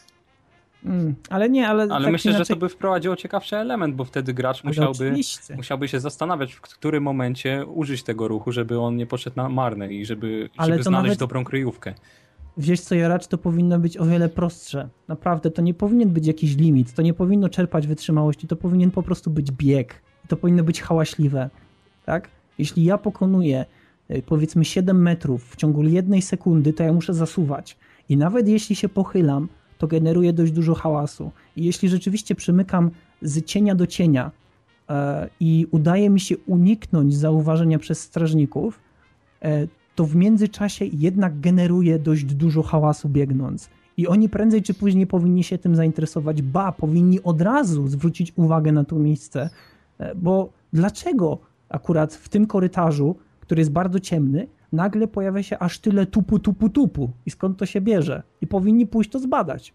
Więc y, no, ja uważam, że, że to powinno być o wiele bardziej oczywiste i lepiej rozwiązane niż po prostu takie cicho ciemne przymknięcie 7 metrów w ciągu jednej sekundy. Do przodu, do tyłu, na bok, lewo, w prawo, e, bo wygląda świetnie, jasne. I wspinanie się na przykład całkowicie bezgłośne po jakichś kondygnacjach budynkowych, e, czy na przykład po em, balustradzie, czy po szafkach. Mhm. Też jest świetne, ale to jest po prostu za proste. Albo No włączenie przełącznika, który powoduje, że cały regał z książkami się odsuwa. Zupełnie bezgłośne i dwie osoby będące w tym samym pokoju tego nie odnotowują. Ale w tamtych No albo na przykład, y, wiesz, y, sytuacja, w której rzucasz butelką o ścianę i strażnik y, mówi, no czas sprawdzić, wejść w tą całkowitą ciemność, no bo przecież... Kto tam rzuca butelkami? Komu się nudzi? No więc y, tak jak cholernie mi się ta gra podoba i zapewniam, że ją kupię, na pewno. Jest, jest y, bezprecedensowym tytułem na mojej liście zakupów, bo przypomina Dishonored, ale mimo wszystko różni się od Dishonored na tyle różnych sposobów, że nie pomyliłbym tych dwóch gier. E, To mimo wszystko te uproszczenia mnie denerwują. I tak jak w Dishonored gra robiła się prosta przez te moce i mogliśmy te moce stosować albo i nie stosować, e, tak tutaj to są elementy gameplayu, E, i zakładamy, że TIF ma być grą trudną. TIF ma być grą, która stawia naszą postać już na z góry przegranej pozycji w momencie jakiegokolwiek konfliktu i powinniśmy wyjątkowo ważyć się z każdym swoim ruchem, z każdą akcją, którą podejmujemy. Tu jest zbyt dużo marginesu, który pozwala nam nie popełniać błędu, moim zdaniem. Mimo, że gra mi się strasznie podoba, to chciałbym, żeby była trudniejsza. A czy okej, właśnie co do tego marginesu, co powiedziałeś, chciałem właśnie jeszcze przytoczyć samą końcówkę, tak? Czyli jak już zaczęliśmy uciekać, powiem szczerze, świetne przejście z cutscenki do samej gry. Mhm. Nie wyobrażam sobie tego, jakby, jakby grał w to prawdziwy gracz. Pewnie by musiał to restartować, bo pie, pierwsze parę sekund po prostu jest takie, że e, to teraz ja? Ale Ale fajne, fajne jest to, jak upada na, na stół No. i mówi good evening gents i biegnie dalej. To jest, to jest naprawdę Tak. fajne. I nasza postać mówi, Boże, przecież w końcu trzeba też powiedzieć różnica między Dishonored, nasza postać gada. to gada. Ale i właśnie, i to, i to jest też rzecz, która mnie tak trochę z- zadziwiła, że on już potem, on ucieka i, i nie zastanawia się nad tym, e, że do niego strzelają, że coś. Nie myśli o tym, żeby gdzieś się schować, może gdzieś się przyczaić, albo gdzieś się ukryć, aż coś opadnie, tylko leci już na pałę i ucieka. To mnie też tak trochę tak z dziebka tak zawiodło. Czy No nie? to nie jest, to nie jest ym, zbyt realistyczne, jeśli uciekamy po dachu, tak, i przeskakujemy e, na kondygnacjach czterech, pięciu budynków, a nasz pościg nadal, nasz pościg nadal trwa. No, no Tak, strzelają. bo powinniśmy już zdecydowanie dawno ich zgubić, bo oni na pewno nie mają instynktu złodzieja i nie potrafią tak ładnie latać po dachach, tak więc no nie wiem, no być może całe miasto wie po prostu. Całe miasto wie i tylko czeka.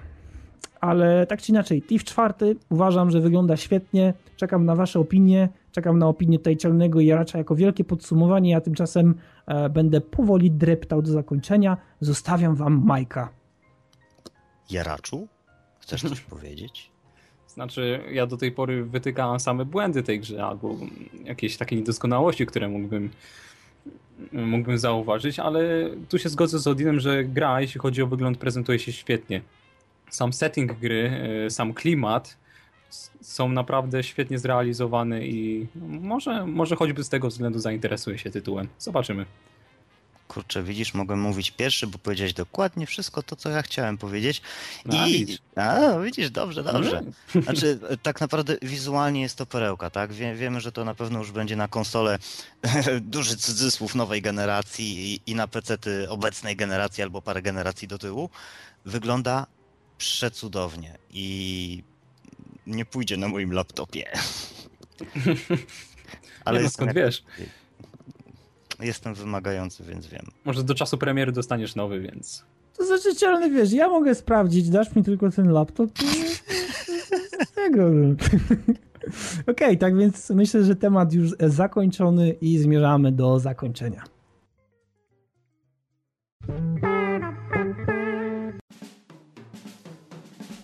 Okej, tak więc mam nadzieję, że po raz kolejny tematy siadły. Mam nadzieję, że konkurs Wam siadł. Również oczywiście e, wszelkie wzmianki, instrukcje e, i tak dalej na temat samego konkursu znajdziecie w dziale konkurs, e, który trzeba będzie odświeżyć i zetrzeć stojącą już i twardą warstwę kurzu od wielu lat tam Dwuletnią. gromadzącą się nieustannie. Natomiast naprawdę mam nadzieję, że, że wszystkich to trochę podniosło na duchu. DS nadal żyje, DS się rozwija. Skórka jest e, w bólach i mękach nadal tworzona, tak więc e, no co, no pozostaje mi tylko i wyłącznie zapraszać Was na kolejne odcinki i jak zwykle, jeśli macie jakieś pytania, sugestie, e, cokolwiek, to walcie śmiało, bo ta strona żyje dzięki Wam.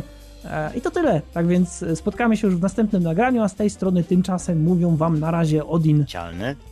I jaracz.